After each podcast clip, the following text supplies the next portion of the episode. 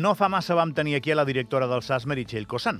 A banda de gaudir de l'entrevista, perquè em va semblar una professional determinada i en preparació, després ja veurem com la tracta el càrrec, que, que és un càrrec que és una autèntica rostidora, em va quedar clar que l'encàrrec que té és el d'administrar l'hospital de manera eficaç per no gastar ni un cèntim més de l'euro d'euro del que toca normal, direu, eh? Jo també, això és el que hauria de ser, no?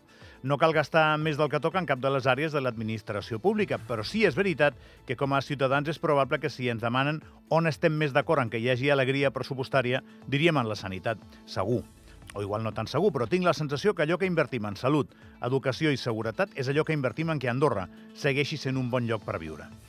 Durant un moment d'aquella conversa amb ella, que ja fa dies, fa com 10 o 12 dies, eh, va, vam arribar a un punt clau dels propers mesos, l'ampliació de l'hospital. Ens va dir que això costaria 30 milions d'euros i interpretant-la, crec que va voler començar a incorporar al debat públic el tema perquè són molts diners, però al mateix temps parlem d'una obra que els experts jutgen clau pels propers 25 anys com a mínim de sanitat andorrana. Ja portem uns quants anys pagant impostos més o menys convencionals, més baixos que a Espanya o França, però impostos. I tot i això ens costa encara dir aquella frase tan tòpica de no amb els meus impostos, o la contrària, sí amb els meus impostos. I ens hem d'acostumar a dir-la, perquè només farà que aportar salut al debat públic. Parlant de salut, doncs això aportaria salut.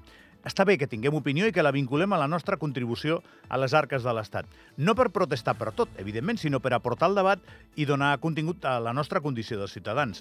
Per tant, i per concloure, jo dic sí amb els meus impostos a l'ampliació de l'hospital. Després ja mirarem si aquest cop acaba costant 30 i no 60. Recordem que l'Hospital Nostra Senyora de Meritxell, quan el van fer, va costar el doble del pressupostat.